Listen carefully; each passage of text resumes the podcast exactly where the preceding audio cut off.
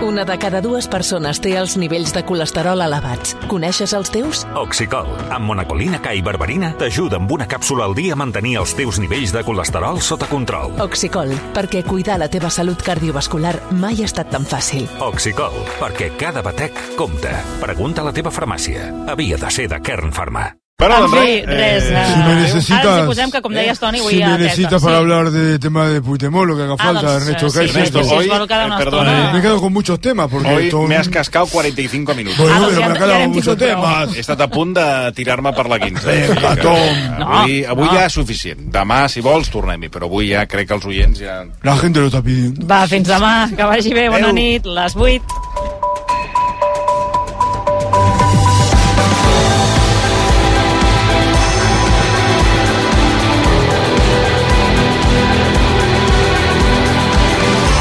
RAC1 no ho sé, amb Anna Ballonesta.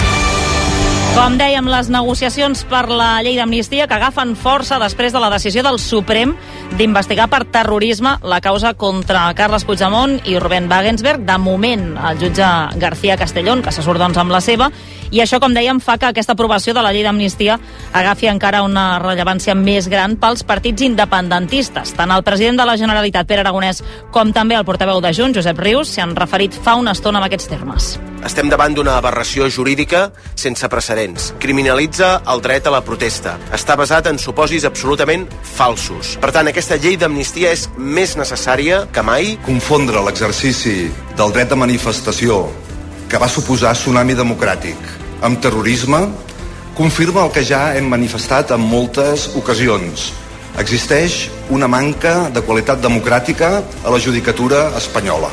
De seguida ho ampliarem i també anirem cap a Madrid per saber exactament com queda tota la investigació que es repartiran entre el Suprem i l'Audiència Nacional. Una decisió que genera molts dubtes, sobretot després que la Fiscalia també es pronunciés en contra d'investigar els fets de Tsunami com a terrorisme. Això, de fet, és la clau de tot plegat.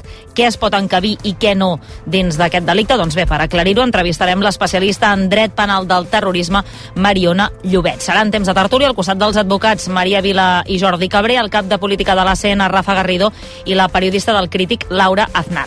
Amb ells també parlarem del cas Coldo, que s'ha acabat girant en contra del PP. El motiu és que la trama hauria estat negociant també amb el portaveu dels populars al Congrés, Miguel Tellado. És el que creu, si més no, el jutge de l'Audiència Nacional, i això ha fet que uns i altres s'hagin tornat a llançar avui els plats pel cap. Mentrestant, els pagesos deixaran de tallar les carreteres abans d'aquesta mitjanit perquè la Conselleria ha acceptat bona part de les seves demandes. Reduirà la burocràcia, hi haurà moviments dins de l'ACA i el departament es tornarà a dir d'agricultura, ramaderia i pesca, que és com reclamaven. Connectarem també en directe des dels talls que encara continuen actius. I a banda d'això, avui s'ha acabat el Mobile, amb xifres molt positives. El balanç total és de 101.000 congressistes, menys eh, que abans de la pandèmia, però els organitzadors n'estan més que satisfets. L'any que ve el Congrés es farà una setmana més tard, serà del 3 al 6 de març. I també ens fixarem en un projecte per reduir la segregació escolar després que els últims mesos se n'hagi parlat tant arran dels mals resultats de les proves PISA. De moment s'està fent a Vic i Manresa,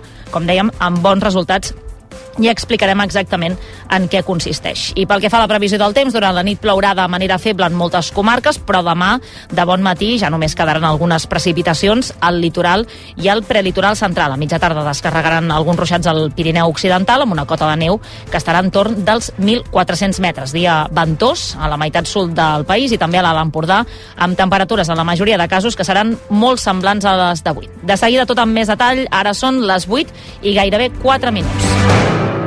Pep Tormos, bona nit. Bona nit. L'independentisme que surt en tromba a carregar contra la decisió del Suprem.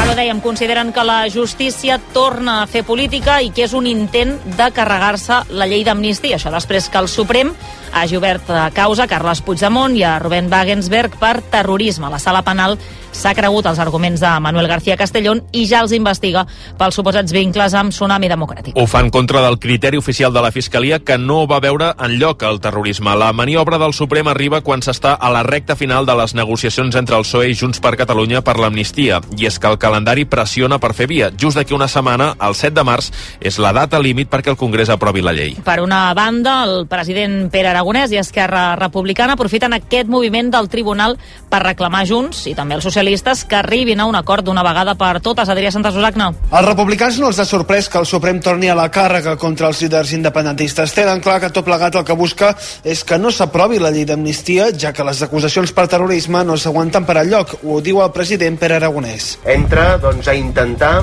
boicotejar una llei d'amnistia i aquesta és la darrera raó de tot.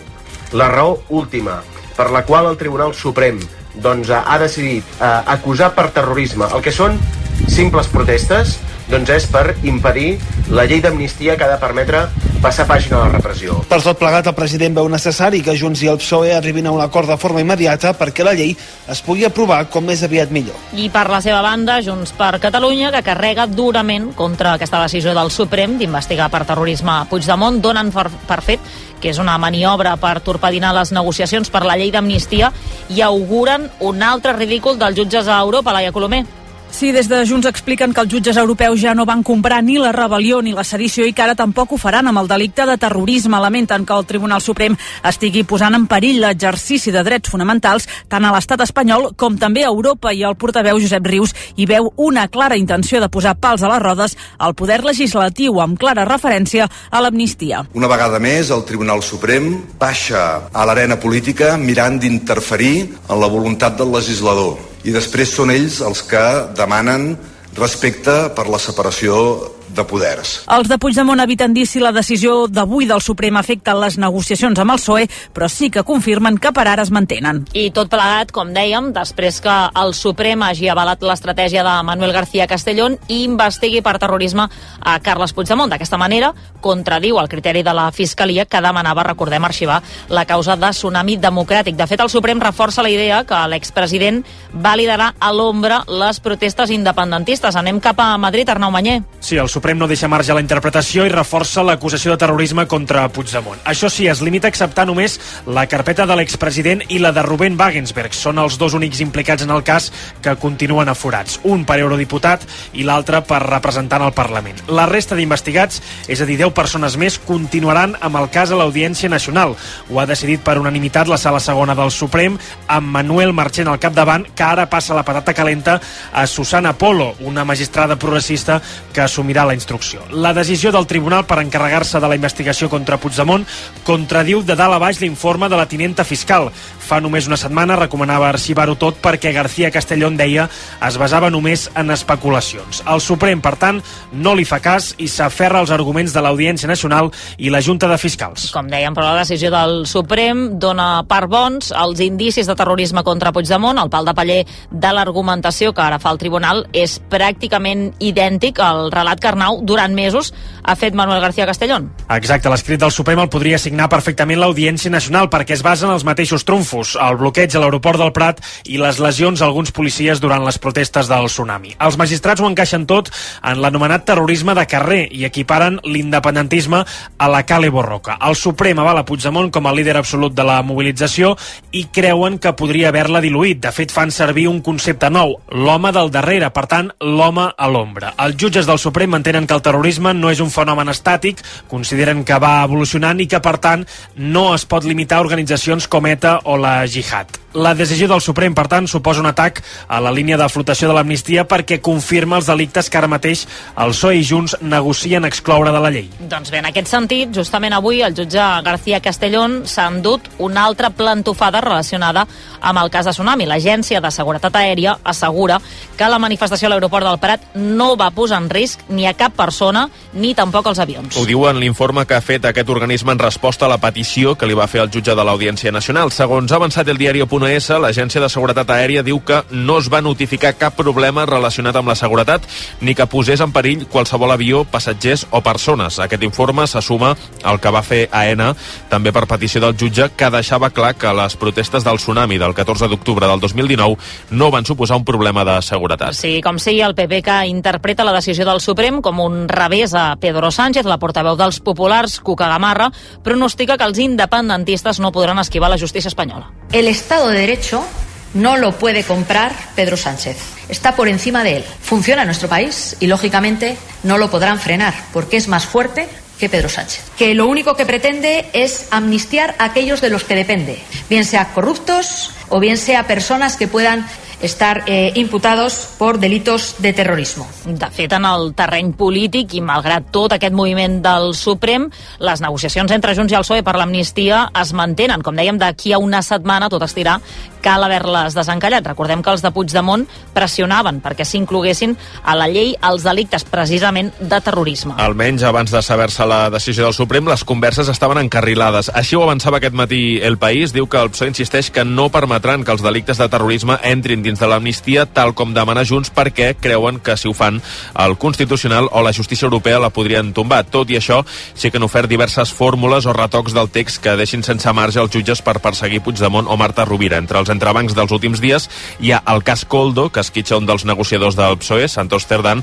com l'estat de salut del secretari general de Junts, Jordi Turull, que dilluns va tenir un infart. Precisament avui els metges li han donat l'alta i ja és a casa. Doncs bé, sobre aquest últim moviment del Suprem i tota aquesta causa de tsunami democràtic, avui li hem preguntat al periodista del diari Punes, Oriol Soler, què en pensa. Terrorisme de baixa intensitat. És el nou marc que vol imposar el Tribunal Suprem per tal d'intentar extraditar Carles Puigdemont o, si més no, retrasar l'aplicació de la llei d'amnistia amb recursos a la justícia europea. El Suprem es posa des d'avui al capdavant del front judicial contra l'amnistia, malgrat que els indicis contra Puigdemont estan lluny de mostrar un partidari de la violència. De fet, en l'única conversa del sumari que el Suprem fa servir contra l'expresident, Puigdemont alerta de que si hi ha un mort, sigui del bàndol que sigui, l'independentisme perdrà. Tot plegat és una repetició de la causa del procés sense prendre les lliçons del passat. Alemanya ja va dir el 2018 que no es podia responsabilitzar Puigdemont dels disturbis a les escoles de l'octubre. I ara resulta que pel Suprem l'expresident dirigia Tsunami a cop de tuit. El primer cop ja no va colar i de moment Suïssa ja ha deixat clar que tampoc funciona la carta del terrorisme. Gràcies, Oriol. Doncs bé, les maniobres judicials del Suprem avui han eclipsat una mica, si més no, les novetats en el cas Coldo, que ha quedat convertit en una trama corrupta on el PP també queda sota sospita. La presumpta xarxa corrupta hauria negociat amb el portaveu parlamentari popular Miguel Tellado. Almenys així ho creu el jutge de l'Audiència Nacional i això que ha comportat un creuament d'acusacions a dues bandes, entre María Jesús Montero y Alberto Núñez Feijóo. Hoy el Partido Popular tiene que dar muchas explicaciones de por qué el nombre del señor Tellado figura ahí, cuál era su papel de intermediación y, en su caso, quién es un tal Alberto. Sánchez tiene que contestar a los españoles qué responsabilidad política y, en su caso, personal tiene en la trama que estamos conociendo. A la interlocutòria del jutge Ismael Moreno hi apareixen Ábalos, Miguel Tellado i una tercera persona identificada com Alberto, però sense cognom. Anem cap a Madrid de nou, Jordi Armenteres. Sí, la part filtrada del sumari és la que afecta a les Illes Balears. La trama corrupta va vendre mascaretes a ministeris i comunitats autònomes. En el cas de les Illes es van adonar que tota la partida de mascaretes era defectuosa. El govern llavors de Francina Armengol, ara presidenta del Congrés dels Diputats, les volia tornar. Aquí és on apareix Avalos, que hauria de fet de mediador per convèncer el govern balear que deixés córrer la reclamació. Amb el canvi de governar les Illes, ara hi governa el PP, la trama contacta amb Miguel Tellado amb coneixement d'un tal Alberto per evitar haver-se de menjar la comanda.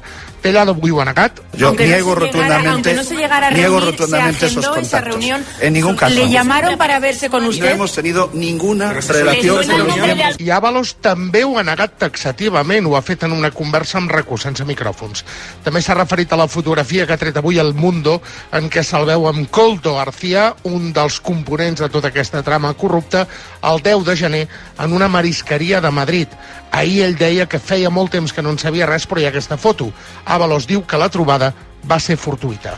Gràcies, Jordi. Aquest cas que compromet també la situació política del PSOE. Avui Pedro Sánchez ha perdut una altra votació i es demostra la fragilitat dels seus suports. El PP ha aconseguit tirar endavant la reprovació del ministre Grande Marlaska per la seva gestió en els assassinats de policies a Barbat i a Cádiz. L'abstenció de Junts i de Podem han permès doncs, al PP i a Vox de guanyar aquesta votació.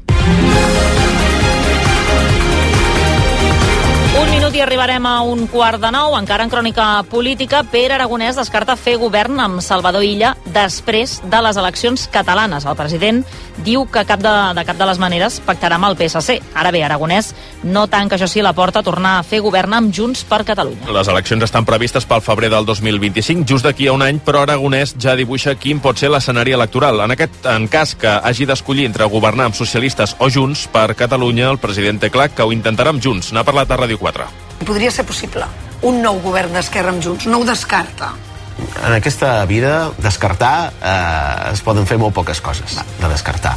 Hem Descartaria un govern d'Esquerra amb, amb el PSC? tingut- Jo crec que tenim uns models molt diferents. O sigui, això sí que ho descarta. Um, sí, clar. És No, com que mai que en aquesta vida models- pot descartar poques coses. Doncs mira, aquesta sí. Aquesta és a dir, sí. en el sentit de que tenim uns models molt diferents respecte a, a l'horitzó. Sobre els pressupostos, Aragonès ha demanat als comuns que hi donin suport. Un altre dels fronts oberts que tenia el govern eren aquestes negociacions amb la pagesia. Doncs bé, el Departament d'Acció Climàtica accepta bona part de les demandes que feien, que ha promès desconvocar els talls a les carreteres abans d'aquesta mitjanit. La Conselleria ha acceptat reduir la burocràcia per tramitar els ajuts. Hi haurà també moviments dins la direcció de l'ACA i es recuperarà el nom de Conselleria d'Agricultura, Ramaderia i Pesca. El conseller David Mascort ha celebrat aquest acord. Avui crec que és un gran dia pel país perquè el govern, amb tot el sector primari, hem posat les bases de com enfrontar eh, els grans problemes que té la pagesia, la ramaderia del nostre país de forma col·lectiva. Tot plegat després d'una reunió de 4 hores amb els líders del sector. En té més detalls el Jordi Claret. Ha estat una trobada clau i que ha posat cara a cara una vintena de representants del sector, entre membres de Revolta Pagesa, JARC, Cooperatives Agrària i Unió de Pagesos, amb el conseller David Mascort. La reunió ha donat fruits. Acció Climàtica ha acceptat fins a cinc propostes que s'han signat de manera conjunta i una altra només amb Revolta Pagesa. D'una banda, el departament s'ha compromès a repetir la trobada d'avui de manera continuada i ha anunciat que donaran veu a les organitzacions presents al ple monogràfic de la setmana que ve.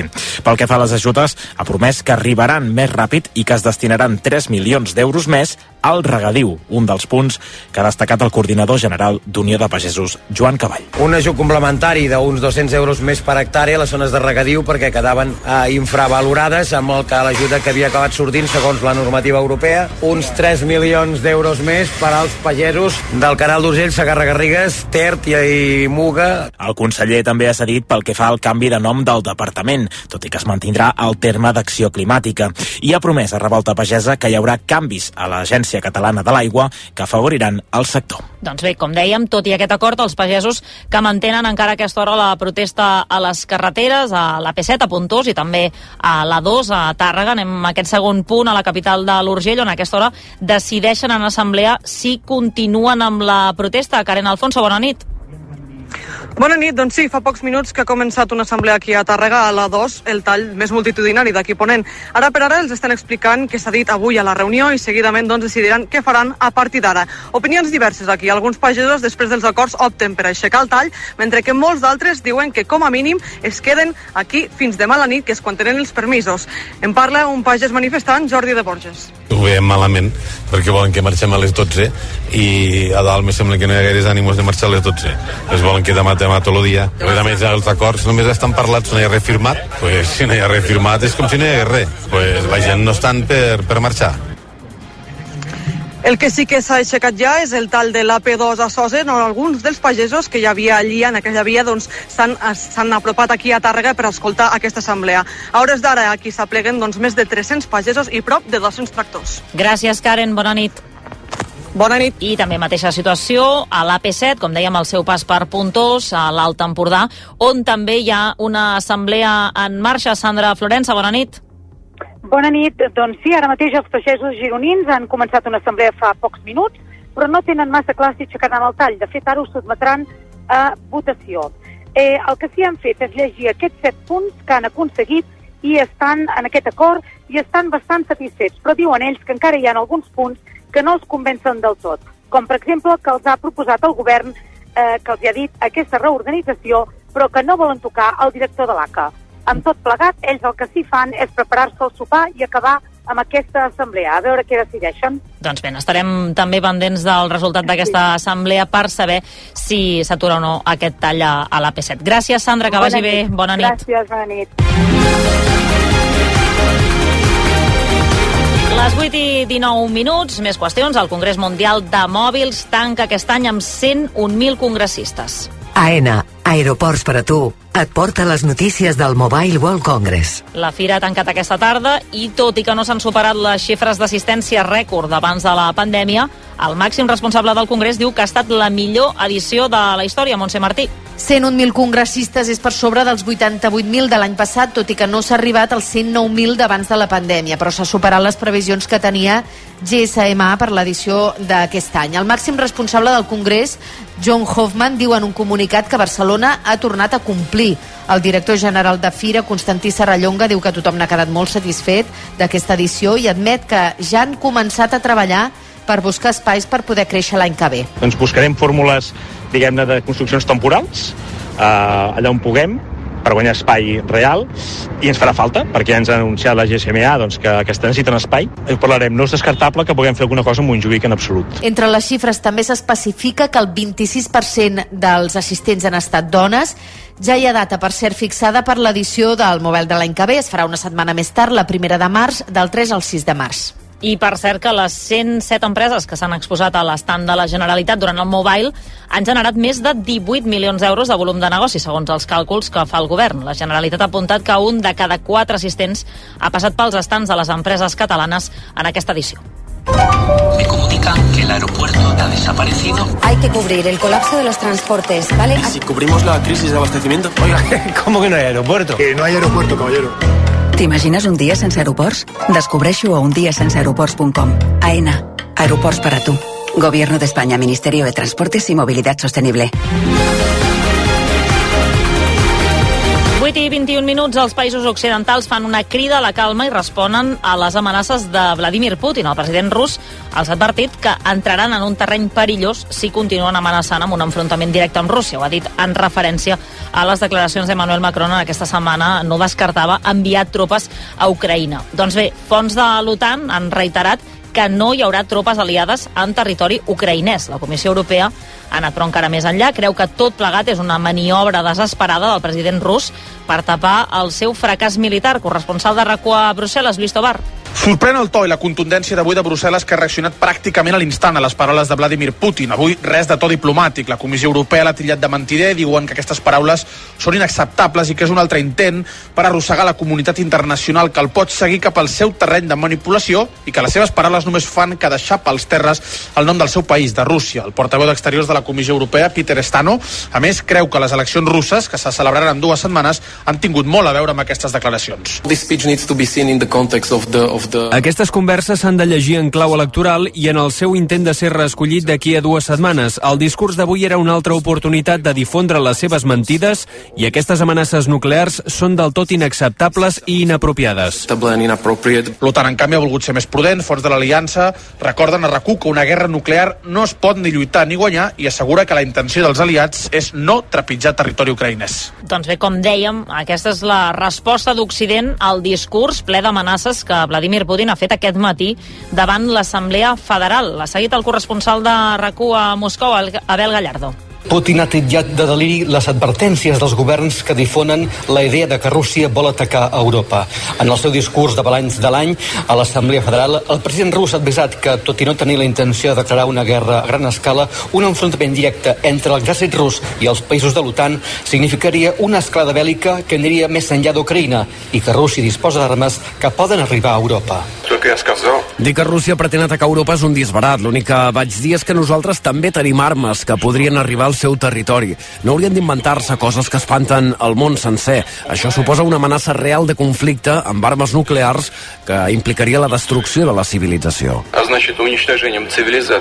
Putin ha tractat també altres qüestions i en el terreny econòmic ha presumit del creixement del producte interior brut del país durant el 2023, esquivant així les sancions occidentals. Gràcies, Abel. I encara a l'exterior, al Pròxim Orient, almenys hi ha un centenar de palestins morts a Gaza pels atacs d'Israel. També hi ha més de 700 ferits. La massacre de l'exèrcit hebreu ha estat en un punt de repartiment d'aliments al sud-oest de la ciutat. Segons diversos testimonis, han obert foc quan hi havia una multitud al voltant d'un dels camions amb ajuda humanitària. Israel de defensa assegurant que ha disparat perquè les tropes que protegien els vehicles s'han sentit amenaçades en quedar envoltades per milers de persones. Després de la matança, Hamas, eh, que acusa Israel de fer una neteja ètnica premeditada, ja ha avisat que la seva continuïtat en les negociacions per establir una treva penja d'un fil. El grup terrorista que controla el govern a la franja parla de 760 víctimes mortals i des que va començar el conflicte l'eleva aquesta xifra fins a les 30.000. De la seva banda, la Casa Blanca ha admès per primera vegada que la xifra de nens i dones morts a Gaza supera les 25.000 víctimes. Minuts per arribar a dos quarts de nou. Una de cada sis persones que viu a Catalunya ve de l'estranger. Segons l'IDESCAT, l'1 de gener del 2023 vivien a Catalunya 1.350.000 persones nascudes fora del país. En són un 10% més que l'any anterior. Repassem la resta de dades amb la Laia Framis i el Joel Penya. Quantes nacionalitats hi ha a Catalunya? N'hi ha representades 170 de diferents punts del món. La més freqüent és la marroquina, amb 230.000 persones. La segueixen de lluny la nacionalitat romanesa i en tercera posició la italiana. A quines comarques hi ha més representació estrangera? A la Sagarra i l'Alt Empordà, on representen més d'un 25% de la població. En tercer i quart lloc hi ha el barcelonès i la Selva, on percentualment viuen menys estrangers és el Vallès Oriental, la Noia i el Moianès, on suposen un 10% dels habitants. I com s'explica el creixement d'aquesta població? Els últims anys, més enllà de les entrades i sortides del país, hi ha hagut un alt creixement vegetatiu i un procés important de naturalització. Durant el 2022 van obtenir la nacionalitat espanyola 50.000 residents a Catalunya. I a tot això, ho dèiem també en començar, el Departament d'Educació es marca com a objectiu de cara al curs que ve reduir la segregació escolar. Per aquest motiu ha impulsat la creació dels anomenats grups singulars, que consisteix en la introducció d'alumnes ordinaris en centres en què la majoria d'alumnes són vulnerables per motius econòmics o també culturals. Dues de les ciutats pioneres a posar en marxa aquest sistema són Manresa i Vic. Marc Poyato. Les famílies interessades es coordinen i quan hi ha un grup de 10 infants se'ls reserva la plaça directament. Ho explica la directora dels Serveis Territorials d'Educació a la Catalunya Central, Gemma Boix. Les places les traiem de l'oferta inicial, de manera que assegurem que aquestes famílies ordinàries se'ls hi reserva aquestes places i així s'asseguren poder entrar en aquests, en aquests centres. Amb aquest sistema hi ha moltes famílies que perden la por a l'hora de dur els seus fills a les escoles d'alta complexitat. De fet, Núria Garriga és la directora de l'Escola Sant Ignasi de Manresa i diu que a tots els alumnes se'ls educa per igual. Totes les experiències que hem tingut a l'escola, els nens aprenen i tothom aprèn i no hi ha cap mena de problema. Val? El que hi ha és això, doncs, més, més intercanvi d'experiències no? i uns s'enriqueixen dels altres. Dimecres que ve arrenca el període de preinscripcions a educació infantil i primària i divendres a secundària. Doncs bé, més enllà de l'àmbit educatiu, un altre dels fronts que té obert la Generalitat és l'habitatge i en aquest sentit el govern està enllestint el projecte de llei per regular el lloguer de temporada. La consellera de Territori diu que l'objectiu serà combatre les estratègies que s'han empescat alguns propietaris per escapolir-se de la limitació dels preus. Esther Capella ho ha anunciat des del Parlament que en breu tindrem enllestit el projecte de llei d'arrendaments de temporada per tal doncs, d'evitar que a través de l'arrendament de temporada s'escapoleix el que és arrendament de forma permanent i que per tant que és allò que s'han empescat alguns per continuar obtenint no beneficis sinó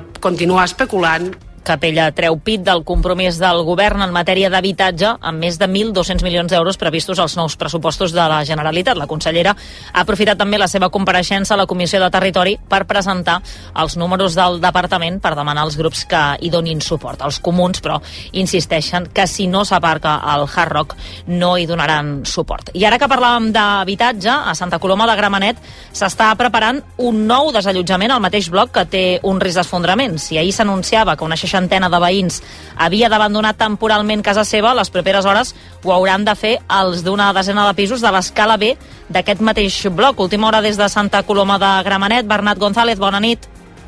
Bona nit.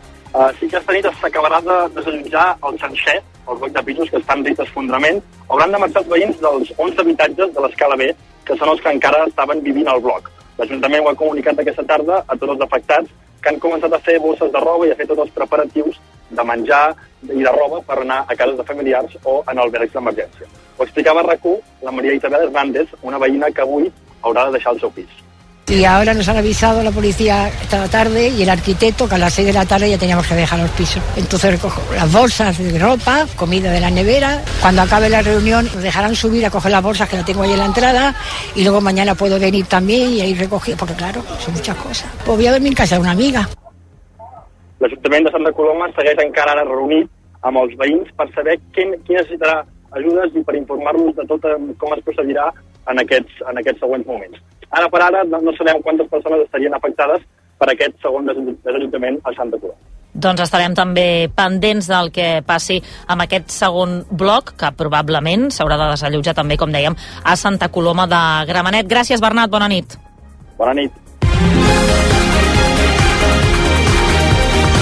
Pràcticament dos quarts de nou, a partir de dilluns, totes les persones que tenen la regla podran recollir a les farmàcies un producte menstrual de franc. El Departament d'Igualtat i Feminismes posa en marxa la campanya anunciada pionera a escala mundial. Podran recollir entre unes calces menstruals, una copa o dues compreses de tela.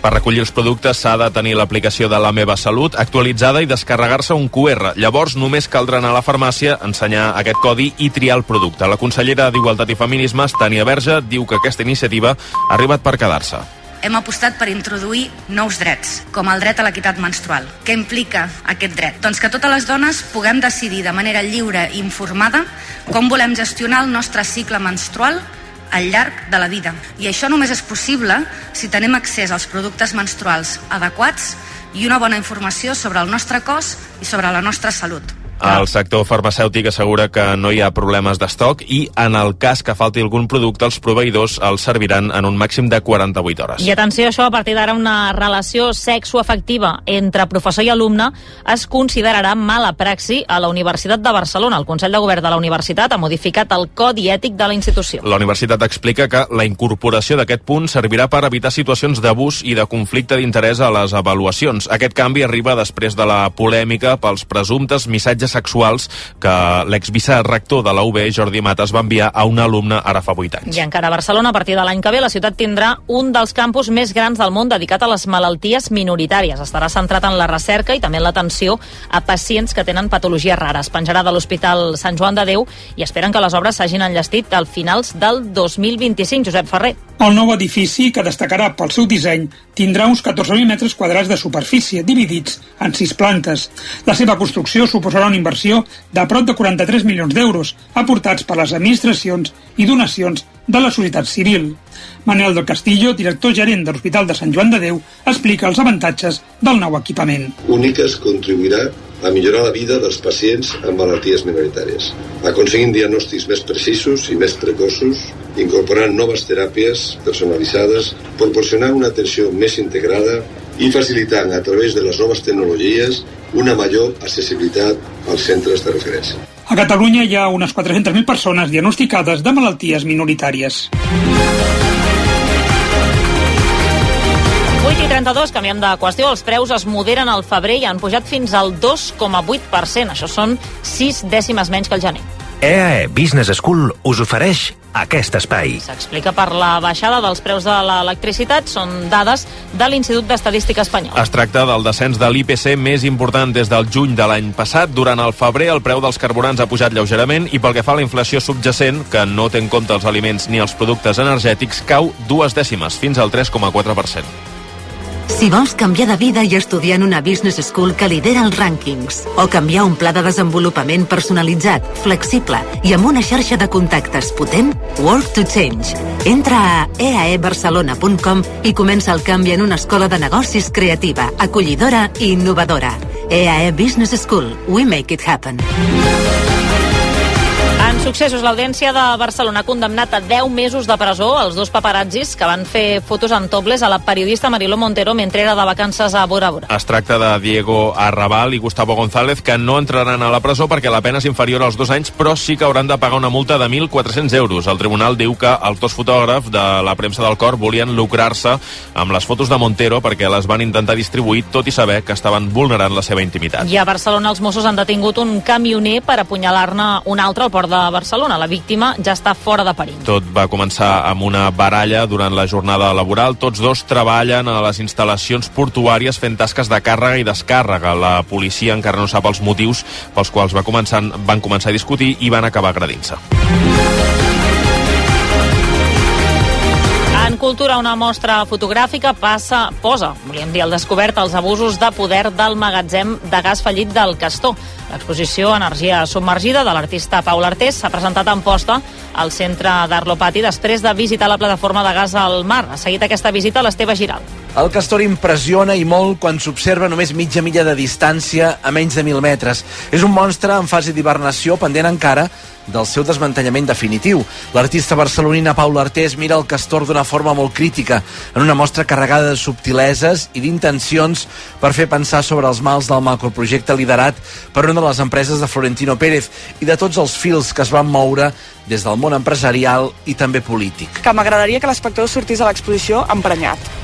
O sigui, que, l'espectador surti cabrejat, um, que l'espectador surti sent més crític, fent-se més preguntes. La mostra es pot visitar al Centre d'Art Lopati, en posta, fins al 2 de maig, i després farà cap a Barcelona. I encara parlant d'exposicions, el Santa Mònica de Barcelona reflexiona, reflexiona sobre l'inconscient a la mostra L'altre costat. L'exposició que s'ha inaugurat aquesta tarda és un laberint immersiu on el visitant transita per les obres de 10 artistes locals i també internacionals. Canviar-se de vestuari, llançar-se una lona gegant o transitar per imatges són algunes de les accions que faran els visitants. La mostra es podrà visitar de manera gratuïta fins al 2 de juny. I compta enrere pel tret de sortida del Festival Circ Cric al Montseny des del 16 de març fins al 9 de juny, Sant Esteve de Palautordera es convertirà en l'epicentre del circ i les arts al carrer, amb una programació que inclou els nous espectacles de Tortell Poltrona, Jordi Bertran i El Poni Pissador, entre d'altres. En té més detalls la Maria Cusó.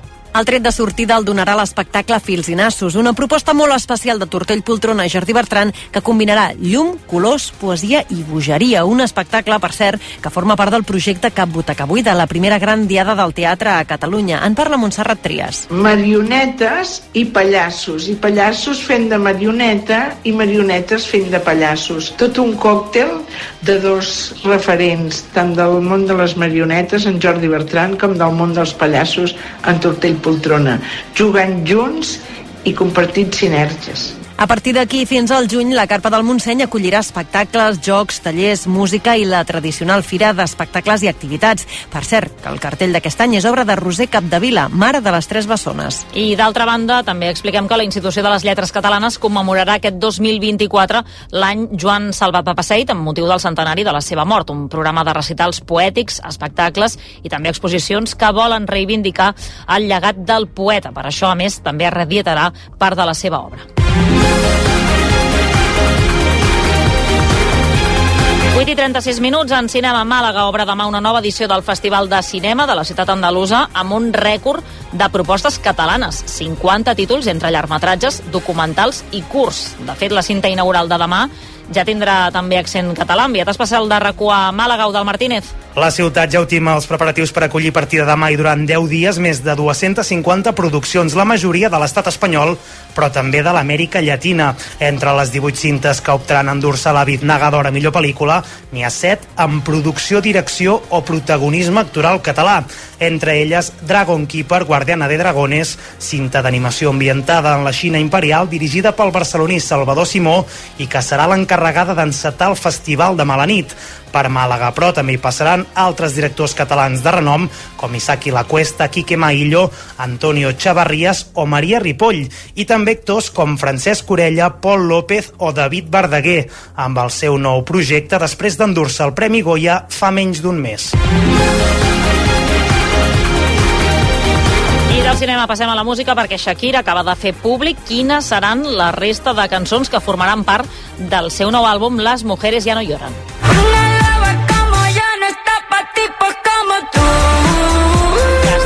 Una nova col·laboració amb Bizarrap a banda d'aquest Music Sessions Volum 53 que sentim. L'àlbum inclourà també La Fuerte i també hi haurà un duet amb Cardi B i repetirà també amb Raúl Alejandro, amb qui ja va fer també aquest tema.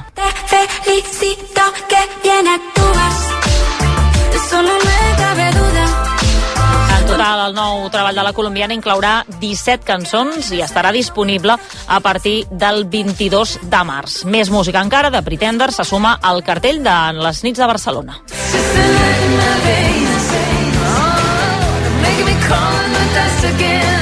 La banda actuarà als Jardins de Pedralbes l'1 de juliol per presentar el seu 14è disc i també s'ha afegit a aquesta programació Rufus Wainwright.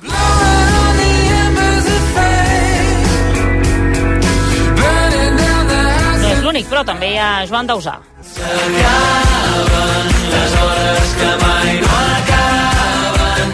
Juanes, el Canca i el McLari. Tots s'incorporen a una llista de noms ja confirmats, com Patti Smith, Luz Casal, Sopa de Cabra i Mica, entre d'altres. El festival es farà el juliol a Barcelona i les entrades ja estan a la venda. I encara en música en roba estesa ha publicat nou disc. Amb Es titula de l'Uva lo millor i és el quart disc d'aquesta banda. El treball té col·laboracions com aquesta amb Antònia Font que estem sentint de fons. I precisament Roba Estesa és un dels grups que actuarà al Cruïlla Primavera. Es farà del 14 de març al 25 d'abril a Barcelona i servirà també per presentar els nous treballs de Ginestar i dels Figaflaues. Amb la mirada quan parlava jo i feia veure que no m'adonava En total, Cruïlla Primavera acollirà set concerts que es faran en diverses sales de la ciutat i les entrades ja estan a la venda. Minuts justos per arribar a les 9 de la nit, moment de repassar els esports amb el Quim Salvador. Quim, bona nit. Hola, bona nit. El Barça de bàsquet en contra de jugar al Palau Sant Jordi. El club ha sondejat amb una enquesta als socis i està en converses amb l'Ajuntament de Barcelona per portar alguns partits importants d'aquesta temporada al Palau Sant Jordi, però la idea no agrada al vestidor del bàsquet blaugrana. L'entrenador Roger Grimau i el base Thomas Satoranski han parlat avui a la roda de premsa prèvia al partit d'Eurolliga de demà contra el Mónaco. Yo estoy profunda y absolutamente enamorado del Palau Blaugrana. para mí ah, el Palau durante, cuando estás cambiando cosas durante la temporada no no es algo que veo muy positivo no yo creo que estamos muy acostumbrados de este Palau de esta temporada donde la verdad que el apoyo de la afición es increíble Ricky Rubio està disponible per redebutar demà amb el Barça. La setmana passada ja ho va fer amb la selecció espanyola, però Roger Grimau no ha avançat si l'inclourà la convocatòria d'aquest partit de demà al Palau contra el Mónaco. D'altra banda, l'Uni Girona ja està classificat per les semifinals de l'Eurocup. Ha guanyat en partit que s'ha acabat fa poc més de mitja hora la pista del Galatasaray a Istanbul per 81 a 83. La tornada dels quarts de final. Les gironines ja havien guanyat també a l'anada a Fontejau de 13 i es jugaran l'accés a la final contra el Besiktas o el Montpellier que estan jugant ara mateix la tornada de la seva I eliminatòria. aquesta nit es decideix també el segon finalista de la Copa del Rei de Futbol. Atlètic de Bilbao, Atlètic de Madrid a Sant Mamés, tornada de semifinals amb avantatge d'un gol per l'equip basc, que va guanyar el partit d'anada al Metropolitano per 0 a 1. Anton Griezmann és baixa per l'equip matalassé per aquest partit que ha de començar a dos quarts de 10. El Mallorca espera rival per la final que jugarà el dissabte 6 d'abril a Sevilla. Encara amb futbol, sancionat a 4 anys per dopatge, Paul Pogba. El centrecampista francès de la Juventus ha estat castigat 4 anys pel Tribunal Antidopatge d'Itàlia per, un per un positiu de testosterona del mes d'agost de l'any passat, després d'un partit de Lliga al camp de l'Udinese. Pogba, que és a punt de fer 31 anys, ha anunciat que presentarà recurs. Està també, d'altra banda, a punt de començar el Magdeburg-Barça de la Lliga de Campions d'handbol. Arrenca a tres quarts de nou, és la penúltima jornada de la fase de grups i el Barça, que ja té garantida la classificació directa pels quarts de final, en fa prou amb un empat per assegurar també la primera posició del grup B. El Magdeburg, que és el segon del grup, és el vigent campió d'Europa. I per acabar, ha començat el Mundial de Fórmula 1 amb els primers entrenaments lliures a Bahrein. Amb domini de l'anglès de Mercedes Lewis Hamilton, seguit pel seu company d'equip George Russell i pels espanyols Fernando Alonso, tercer amb Aston Martin i Carlos Sainz, quart amb Ferrari. El campió Max Verstappen amb Red Bull ha estat sisè, a quatre dècimes del millor temps. La cursa del Gran Premi de Bahrein, primera del Mundial de Fórmula 1 2024, començarà dissabte a les 4 de la tarda, hora catalana. Gràcies, Quim. Bona, Bona nit. nit. Dos minuts per tres quarts de nou. Repassem el temps amb l'Abel Caral. Abel, bona nit. Bona nit. Esperàvem precipitacions pel final d'avui. Han arribat o no encara? Mira, s'han escapat quatre gotes en alguns sectors del Pirineu, pre-Pirineu, però el gruix de precipitacions encara està eh, a l'Aragó, que per cert estan pendents del riu Ebre, que baixa molt carregat. S'espera que el pic d'aquesta crescuda eh, que té l'alerta Saragossa doncs, arribi a la capital aragonesa la propera eh, matinada. De moment aquí doncs, el que estem esperant són aquestes precipitacions que en general febles al llarg de les properes hores, per tant final del dia i al llarg de la nit arribaran primer a les comarques de Lleida i Tarragona i al llarg de la nit podran anar plovent en molts sectors del país. De manera dispersa i precipitacions poc importants amb una cota de neu que acabarà situant-se cap als 1.000 metres arribant amb aire més fred en altura aquestes precipitacions. A les comarques de Girona més aviat eh, poca pluja, alguna coseta, alguna nevada cap al Pirineu Oriental al llarg de la nit matinada. Demà, de bon matí, per començar aquest mes de, de març, doncs, eh, tindrem encara algunes precipitacions durant les primeres hores del dia, cap a la costa i al prelitoral de les comarques de Barcelona. Per tant, zona molt poblada de Catalunya, de bon matí pot haver algunes eh, pluges, però ràpidament eh, la pluja escamparà i serà un matí en conjunt assolellat. A la tarda, alguns ruixats com passa moltes tar- tardes de primavera, poden aparèixer alguns ruixats cap al Pirineu, sobretot sector occidental, poc importants, cota de neu 1.400 metres. Baixen les temperatures a muntanya, a la resta, doncs semblants a les 8, tant de bon matí com al centre del dia, i reapareix el vent, que avui ha anat a la baixa, després uns dies molt ventosos en algunes comarques, demà tindrem sobretot un matí de vent intens a les comarques de Tarragona, també al sud de les de Barcelona i Lleida, i també tramuntana moderada, amb algun cop fort cap al nord de l'Alt Empordà. La tramuntana ràpidament a la tarda anirà a la baixa, el mestral hi costarà una mica més, però també el vespre pràcticament acabarà desapareixent.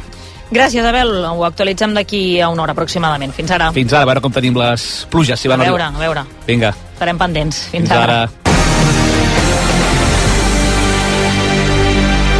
tres quarts de nou. A RAC1, no ho sé, amb Anna Ballonesta.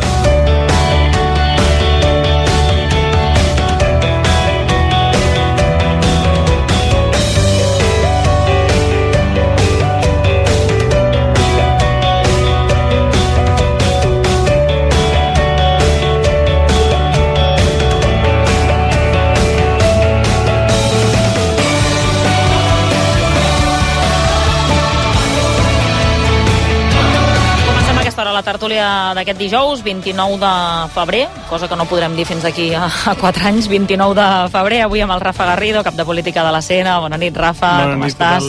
L'advocada Maria Vila, bona Hola, nit, què tal? Maria, també la periodista del crític Laura Aznar, com estàs, Laura? tal, com bona estàs? nit. I el Jordi Cabré, advocat i escriptor. Bona Bona, nit, nit, Jordi. Què tal? Bé. Doncs um, avui tenim diversos temes sobre la taula perquè aquesta decisió de, del Suprem doncs, ha tornat a complicar una altra vegada aquestes negociacions per la llei de, de l'amnistia. Ara de seguida en, en parlarem. Però abans eh, tenim novetats sobre les protestes que abans comentàvem de, dels pagesos. Dèiem que la conselleria havia acceptat bona part de les demandes que feia la pagesia i que, per tant, tot feia pensar que aquests talls eh, que duran des de dimarts s'aixecarien a aquesta mitjanit, però sembla que hi ha novetats en algun d'aquests punts. Farem una pausa i ara de seguida quan tornem i anirem en directe per saber què és exactament el que està passant i si hi ha la possibilitat que aquests talls es mantinguin en alguns llocs. RAC 1 ¿Te compraste un coche entre 2006 y 2013? Igual tú no, pero seguro que tu hermana, un primo, un vecino o una amiga, sí, porque fueron millones de personas las que pagaron de más por el cártel de coches. Ahora con OCU pueden reclamar su dinero, más del 10% del valor de su coche, aunque ya no lo tengan. Diles que entren en ultimomodelo.com. Reclama tu dinero con OCU. Cotxe. Cop. Tot arreglat. És molt senzill assegurar-se amb el Betia. Simple, clar, el Betia. Comença el dia amb molta energia a Basic Fit, a casa o al gimnàs de la cantonada. Apunta-t'hi ara, gaudeix de 4 setmanes extra i emporta't una motxilla. Senta't bé i fes del fitness el teu bàsic. Avui és l'últim dia. Basic Fit. Torna Fira Passió, un festival cultural i comercial on podràs gaudir de tot tipus d'activitats de cultura popular. Curses de creus, desfilades d'armats, cercaviles temàtiques, divertides microescenes i bons productes de la terra. Des de la Federació Catalana de Passions t'animem a acompanyar-nos el proper 2 i 3 de març a Esparreguera. Fira Passió. Viu les passions. El Pèndol. Reparació de rellotges de totes les marques. Rolex, Patek Philippe, Cartier, Omega, Tag Heuer i en 24 hores. El Pèndol. Des de 1983. Ara a Balmes 228. Actualitzada. Renovada. Més fàcil. RAC1.cat. Actualització constant perquè no us perdeu res de res. RAC1.cat. El portal de notícies de RAC1. No ho sé, amb Anna Ballonesta.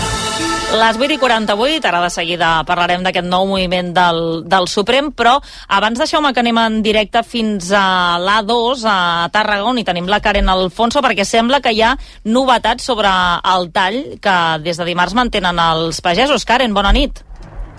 Hola, bona nit. Doncs sí, s'ha acabat fa pocs minuts l'assemblea on s'ha decidit que a Tàrrega mantindran aquest tall almenys fins dissabte al migdia. Això és el que deia Jordi Arrufat, que estat doncs, qui ha parlat avui, un, un dels pagesos que ha parlat avui amb el president Pere Aragonès i que els ha, li ha demanat això, que es poguessin quedar fins dissabte al migdia. Han fet una votació per democràcia i la majoria doncs, ha dit que sí, per tant, aquest tall es mantindrà. Ens, ens ho diu eh, Jordi Arrufat, pagès de l'Urgell. i li hem anat a explicar al president que no estem d'acord de marxar, ell m'ho ha dit i m'ho ha ensenyat el paper firmat i nosaltres li hem dit que pot ser paper moll, ¿vale? compromís no és un acord i allí hi ha algun apartat que hi posa compromís allí havia de posar acord això ja hem vist que estava firmat però nosaltres, llavors, pues lo, lo 100% de la gent que està aquí a l'Urgell i gent del Penedès, gent del Priorat, tota la gent que viu aquí no vol marxar, perquè volen un compromís ferm, un acord ferm i que veiem els resultats. No és per aquí 15 dies i 15 dies, perquè això és la mort del pagès. Tot i que els han avisat que si no marxaven el que s'ha firmat avui doncs no serviria de res, els pagesos han parlat amb el president de la Generalitat i diuen que, bueno, que el president els ha dit que això no ho faran i que només que ells creuen que el president eh, que no ho faran i llavors només els hi han demanat allargar aquest dia i mig i veure més solucions i més contundents. Mhm. Karen, no sé si tenien permís eh, per continuar aquesta protesta, perquè aquests talls s'han de comunicar. Hi ha presència Mhm. policial aquí? Tenen permís o no? Presència policial n'hi ha i en principi pel que ens diuen de moment tenien permís fins demà a la nit i suposem que, aquest, que avui doncs, ja els han demanat per també tenir-li dissabte.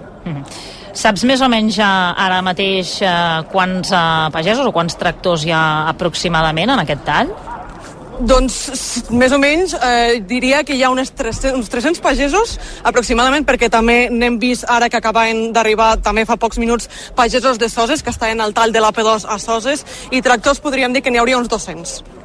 Doncs aquesta és la situació en aquest punt de, de la 2 a, a Tàrrega, amb aquesta protesta que es manté eh, com a mínim fins dissabte al migdia. Han apuntat la possibilitat de que es pugui allargar fins i tot més que dissabte al migdia, Karen?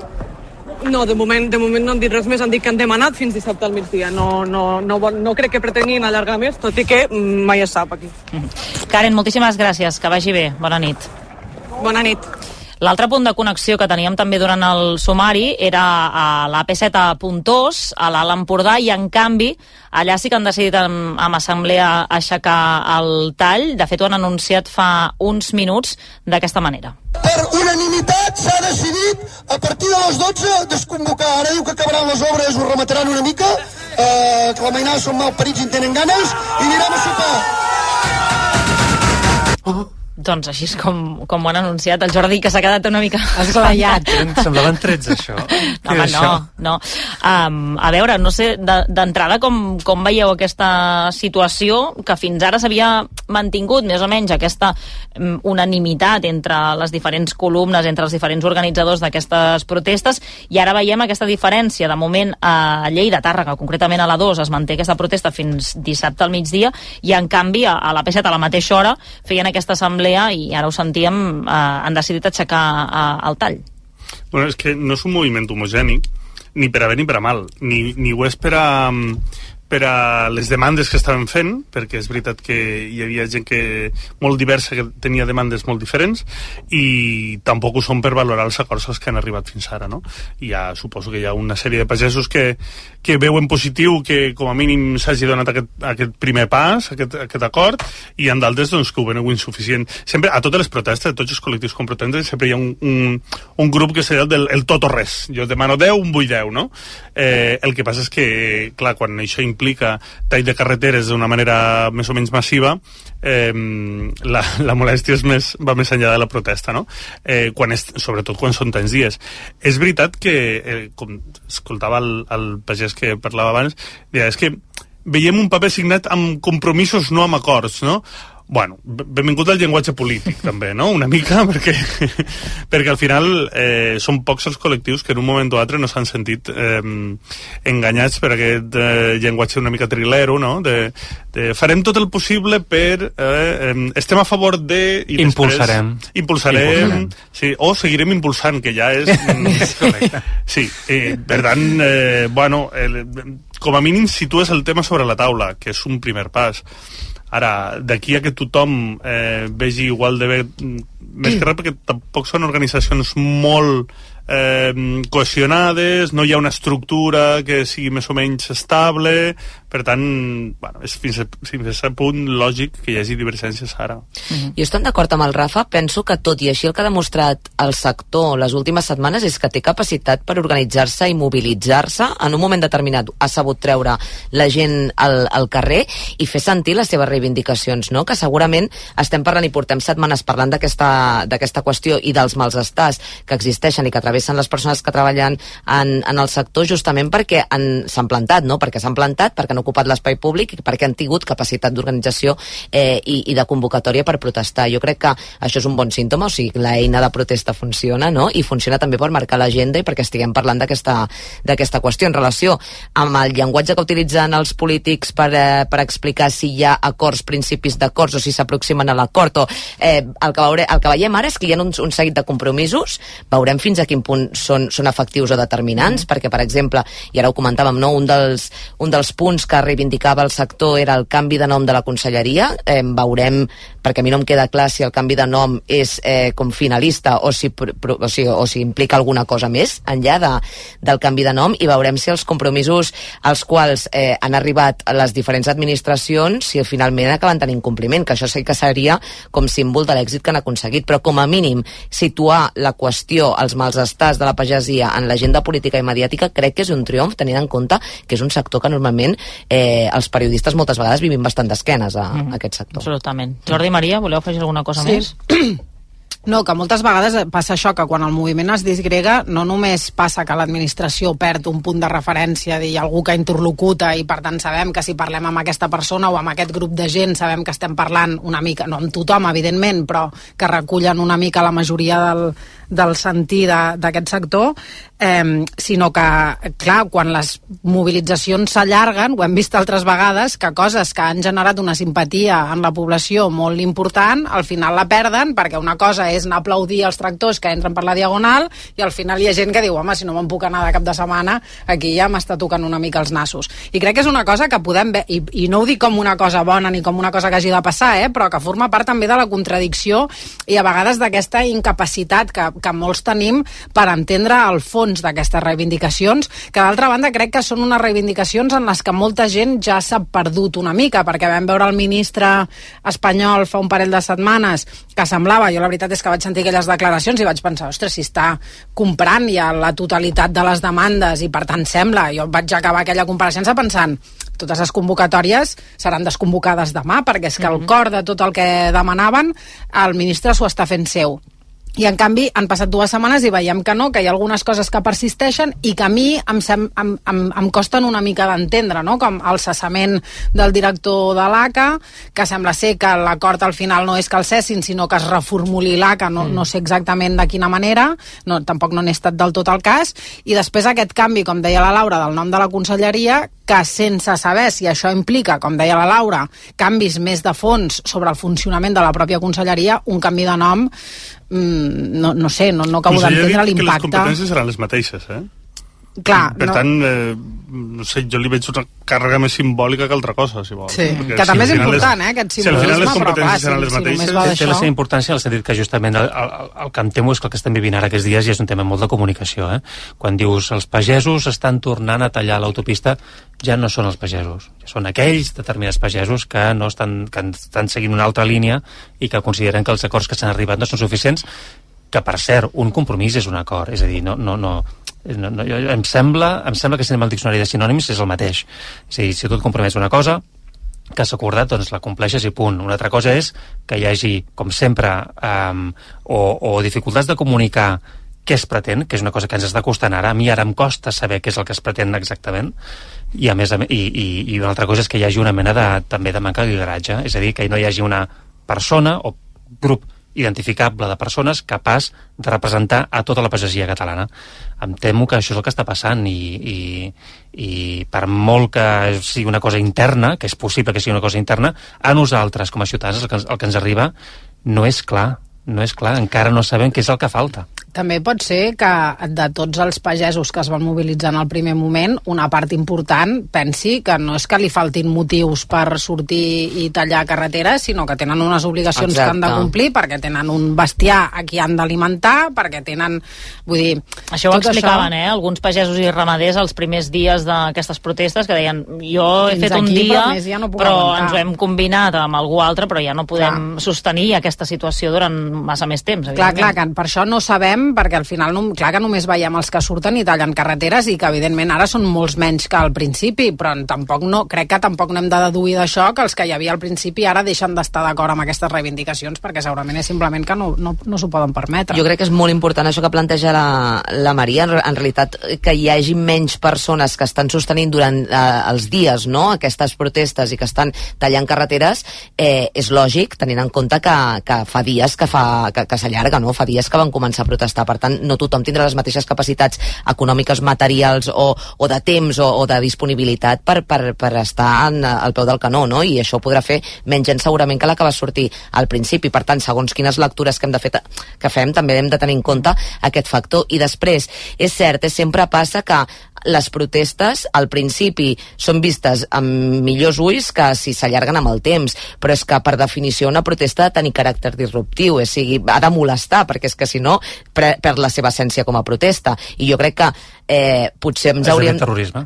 Ah, Exacte, exacte, i ara anem a- aquí segurament, però que jo crec que no hem de perdre de vista que a l'hora de, de, de qualificar-les o de valorar-les, aquestes protestes, més que si són